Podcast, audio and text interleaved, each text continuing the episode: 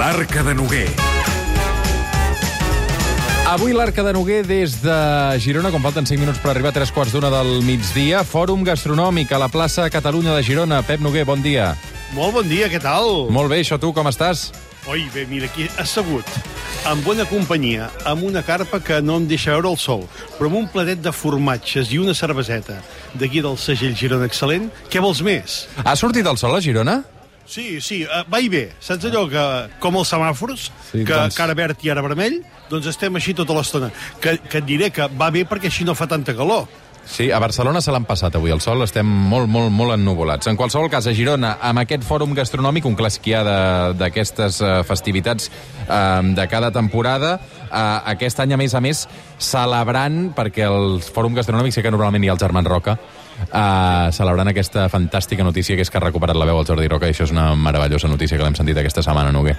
Sí, sí, home, jo quan el vaig sentir se'm va fotre la pell de gallina perquè eh, hem, hem, hem compartit eh, allò, èpoques, diguem-ne, de, de, de baixa, saps? Un, una a una banda del, del cap i l'altra a l'altra. Un als ulls, l'altre a, la, a, la, a la gola, eh, i em fa molt feliç tornar a sentir en Jordi Roca, sobretot, sobretot, per escoltar aquesta saviesa que té, que sempre hi ha un geni darrere d'aquestes paraules, no? I en Jordi és un crac, és un crac. Avui amb el Pep Noguer des del Fòrum Gastronòmic de Girona la figura del cap de sala. És per això que volem saludar la Cristina Feliu, cap de sala del restaurant L'Aliança d'Anglès. Hola, Cristina, què tal? Bon dia. Hola, bon dia. I l'Aga Tarnó, que és cap de sala del restaurant Villamàs de Segaró. Demanarem, si plau als companys del Fòrum Gastronòmic que baixin una mica el retorn, perquè si no ens sentim tots plegats rebotats. Uh, escolta'm, uh, Noguer, el cap de sala és el metre famós, eh?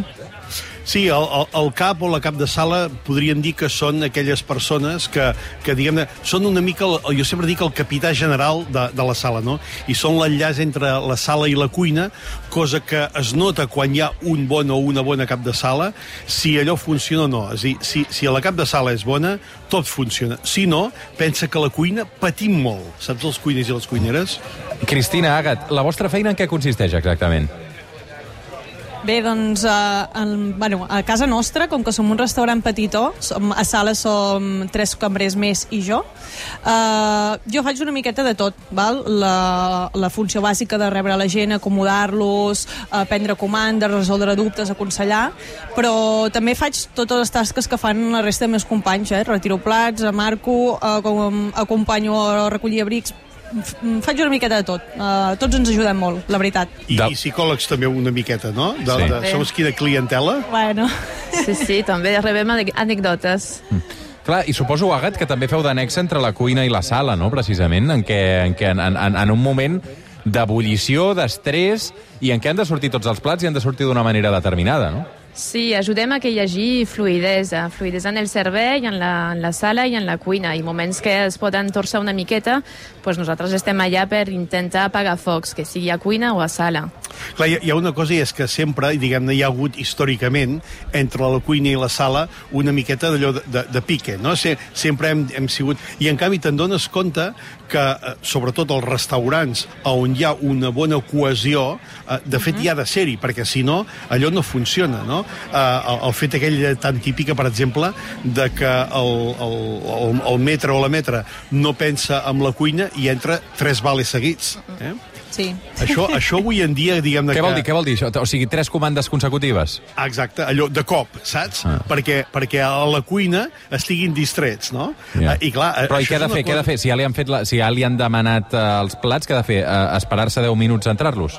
Per no estressar? Bueno, no agafa la comanda directament, intentar fer temps, anar a la taula, xerrar i fer temps per no embarrancar la cuina, Sí. perquè és quan ja, ja el servei ja va malament. Els hem d'intentar escalonar una mica, o al revés, nosaltres ens va molt bé, com que treballem amb dos menús gastronòmics, quan hi han dos taules que demanen el mateix menú i han entrat al mateix temps, doncs el que intentem és al revés, ajuntar-ho, perquè en vez de ser dos taules de dos o tres taules de dos, sigui com una taula de sis. Clar. Intentar fer-ho una miqueta tot, tot, uh, tot junt, com si fos un grup. Clar. Clar. Noguer, tu en què et fixes? Tu en què et fixes? Quan vas a un restaurant... Perquè no... eh, O sigui, evidentment no tots els restaurants tenen la figura del cap de sala. Jo tinc la sensació que en alguns llocs, i ara que mengem també ràpid, s'està perdent aquesta figura. Tu en què et fixes? Clar, és que per una, per una banda, avui en dia jo crec que hi ha molts tipus de restauració i això també fa, diguem-ne, que a la figura de, del, del cap o de la cap de sala del metre, eh, diguem-ne, tingui eh, feines diferents, no? Per mm -hmm. exemple, en un restaurant més gastronòmic tenen una feina molt més agosarada, en canvi hi ha llocs, com ara tu deies, no? Depèn de quins restaurants o, diguem llocs on donen menjar, eh, doncs a vegades ja no cal ni que hi sigui. Però sí que és veritat que al món de la sala sempre hi ha hagut molt intrusisme. Sembla que tothom pugui fer de cambrer, de cambrera, no? o de director de restaurant. Com ho viviu vosaltres? Perquè defenseu molt bé aquesta figura de, del metre o del, o del cambrer o de la cambrera. Sí, bueno, mm, això de l'intrusisme crec que passa tots el, en tots els àmbits d'altres mons però laborals també. Molt. Però restauració és veritat que tothom es pensa que ui, sí, no sé què fer, faré de cambrer, que és molt fàcil. Mm, Jo no ho veig així, no sé l'Agat què pensa, però no, no, no estic d'acord. No, no, de fet, sobretot jo crec que més de, de, és, són qualitats de, a nivell de persona. Necessitem persones pues, que tinguin una mica de sentit comú, que tinguin paciència, que sàpiguen tractar amb la gent, i tot això pues, no, no tothom ho té. I llavors, bueno, aquesta empatia i el, el, el sentit una mica humà, que a vegades falta amb la gent i és molt necessari per poder donar un bon servei i tractar molt bé amb el client. Clar, Cristina, Cristina Agat, uh, vosaltres dues on us heu format? Us ve de tradició familiar, això? Uh, per la meva part, sí. Mm, a casa meu, a l'Aliança, vaja, els meus avis ja van obrir un bar a l'any 50 i, bé, vam estar a bar fins a l'any 2000. Llavors el meu pare i el meu oncle van obrir un restaurant, que seria, en aquella època ja era un restaurant gastronòmic, i jo bàsicament he crescut enmig d'això, de l'època del bar, del restaurant, després jo, com vaig ser una miqueta més gran, vaig començar-los a ajudar. Però jo formació específica en, en sala no he tingut més que la que he viscut a casa. Després he fet altres cosetes més específiques de sommelier i així, però de sala ha estat el que he après allà. I tu, Agat? Jo no he estudiat això, me dedicava a una altra cosa, però per pagar els meus estudis vaig eh, fer pues, el, la feina de temporada i vaig aterrissar on estic justament ara eh, al restaurant Albia Mas. Mm. I vaig fer algunes temporades i em va agradar molt, em vaig enamorar del, del cuiner i és allà que tot, tot es va crear una mica la, la història i la meva, el meu amor per la- la- l'hostereria. Vaja. Però fixa't, hi ha una cosa important. No veniu d'escola, però sí que hi ha una cosa que heu fet, que ha sigut formar-vos, és a dir, no, és, no heu anat canviant d'aquesta tasca, sinó que a l'enrevés us heu professionalitzat. Uh -huh. no? uh, avui en dia, diguem-ne, es fan molts cursos, es fa, uh, diguem-ne, tota la part del, del vi, de, de cursos de sommeliers, de baristes, fins i tot avui en dia molts restaurants ja comencen a tenir bartenders, no?, dins el propi restaurant. Sí. Clar que allò, fer un gin tònic tampoc és barrejar una tònica amb ginebra, eh? No, no, evidentment, hi ha molta teoria en molts àmbits, amb els formatges, amb cerveses, amb vins, amb olis, vull dir, podria ser un no parar, cada any podríem fer un curs diferent, no, Agat? Totalment, totalment. Jo és que tinc, tinc la sensació moltes vegades que el, la gent de sala, els metres, les metres dels sommeliers, coneixeu o teniu molta més passió per la cultura del producte que moltes vegades molta gent que hi ha a la cuina que, que li porten allò i ja està perquè ho han comprat, no? Uh, clar, vosaltres uh, com, com ho feu això per formar-vos sobretot en producte? Sé, avui en dia aquí tenim uh, aquest segell de qualitat, el Giró Excel·lent, tenim molts productors aquí. Com ho feu també per, per, allò, per poder explicar els plats que traieu a la, a la sala? Vosaltres heu de saber com es fan.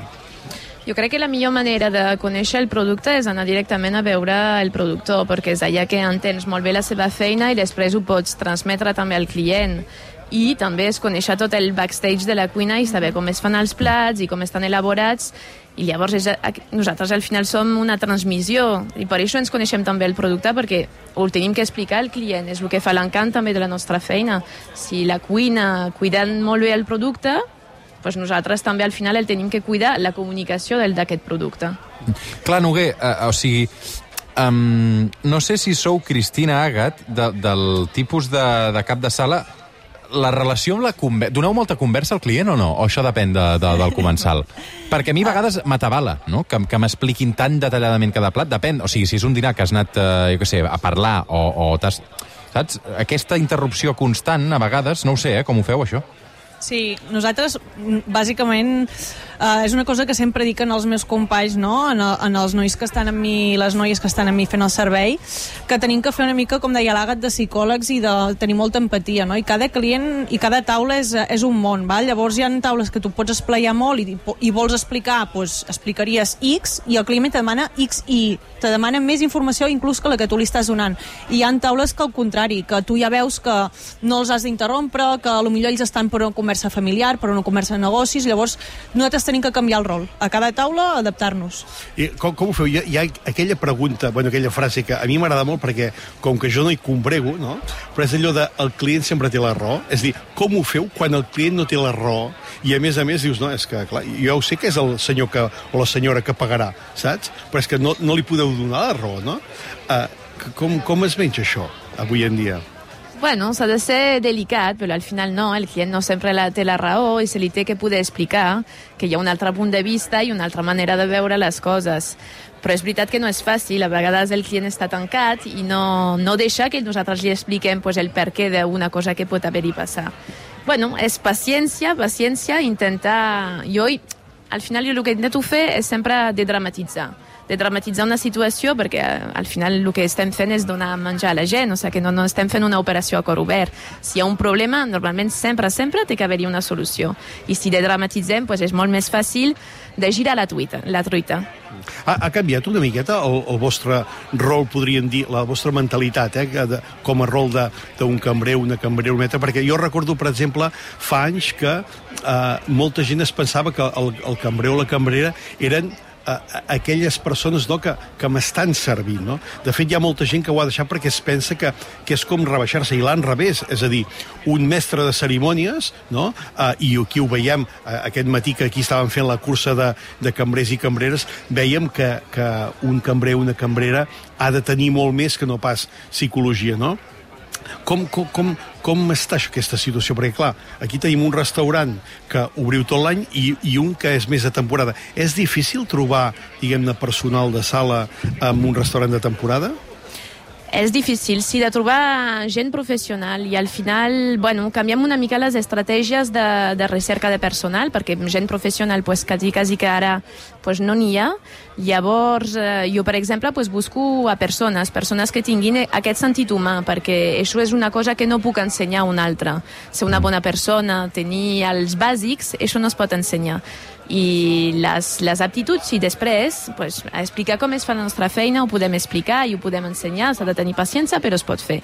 Però és veritat que per trobar una persona de dos, tres mesos que vingui a treballar a casa nostra pues no és fàcil. I cada any és més complicat. Nosaltres passem d'un equip de 20 a un equip de 50 s'ha de fer wow. una recerca de 30 persones cada any. I allà hi ha feina. Noguer, eh, has dit cursa de cambrers? Sí, sí, sí, han fet una cursa de cambrers aquest matí que t'asseguro que és que, vaja... Eh, I què portaven, la plata? portaven una safata sí? amb tres ampolles de cervesa, ah. amb tres copes, havien de fer un circuit, eh, i clar, i, tu podies arribar abans, però si arribava sense cervesa a les copes, malament. I aquí és on veus la destresa, eh? Jo t'haig de dir que si ho hagués preparat, ho hagués fet jo, no, jo, jo no, hagués, eh, no, no hagués acabat ja. Però per un tema de velocitat. Clar, o, o per exemple, eh, jo sempre dic que, que el món del servei eh, teniu, feu com una performance, no? El fet de, o sigui, obrir una ampolla, de fet, a veure, us ho dic d'una altra manera, és dir, notes molt més quan a la sala hi ha un mal o una mal professional que quan és bo, perquè quan és bo no nota res. En canvi, quan, quan t'obren una ampolla malament de, de, de vi, quan et serveixen malament una cervesa, quan et serveixen malament un, un té amb llet, avui mateix a mi, que, que m'ha passat a, a, aquí molt a prop, saps? Que he hagut de demanar tres vegades llet freda perquè me la portaven calenta, no? que no m'entenien, no? Clar, eh, això és complicat, és a dir, s'ha de, de donar valor a aquesta, a aquesta gent que fan aquesta feina d'important.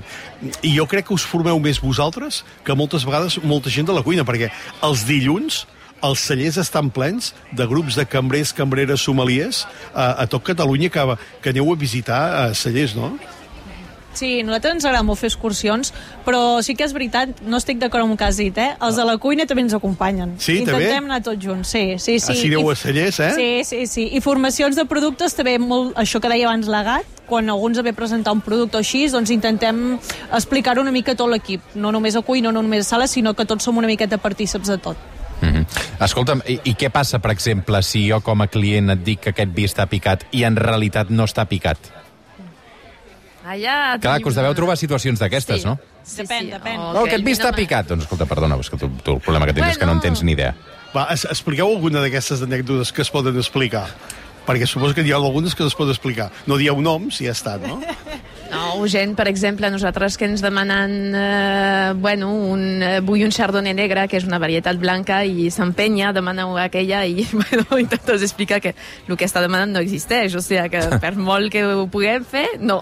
No existeix. No, sí, coses així podríem dir mil, però a mi el que em fa molta gràcia, a vegades tu deixes un, un plat, no? i abans que tu el puguis explicar, allò, sobretot parelles que s'estan coneguent, que estan festejant, i a vegades l'home que vol impressionar la dona li diu, m'invento, eh? per dir un exemple, ostres, sí, mira, ara quines vieires que ens han deixat, no? Abans que jo expliqui, i resulta que allò no són vieires, saps? I és com, jolín, Un què faig? Mansplaining- deixo ma- un- un mansplaining en tota regla, sí. El deixo malament davant la seva, la seva cita? I o tant, i què tant, faig? s'ho mereix. En aquest cas s'ho mereix, un mansplaining a tota resta. Escolta'm, uh, la Cristina Feliu, cap de sala del, del restaurant L'Aliança d'Anglès, i l'Agat Arnó, cap de sala del restaurant Villamas de Segaró, un tastet també del que trobareu en aquest fòrum gastronòmic de Girona, avui amb la presència del, del Pep Noguer, la Cristina i l'Agat. Gràcies a tots tres per haver-nos acompanyat. Una abraçada cap a Girona, cuideu-vos. Que vagi Gràcies, molt bé, sí. adéu-siau.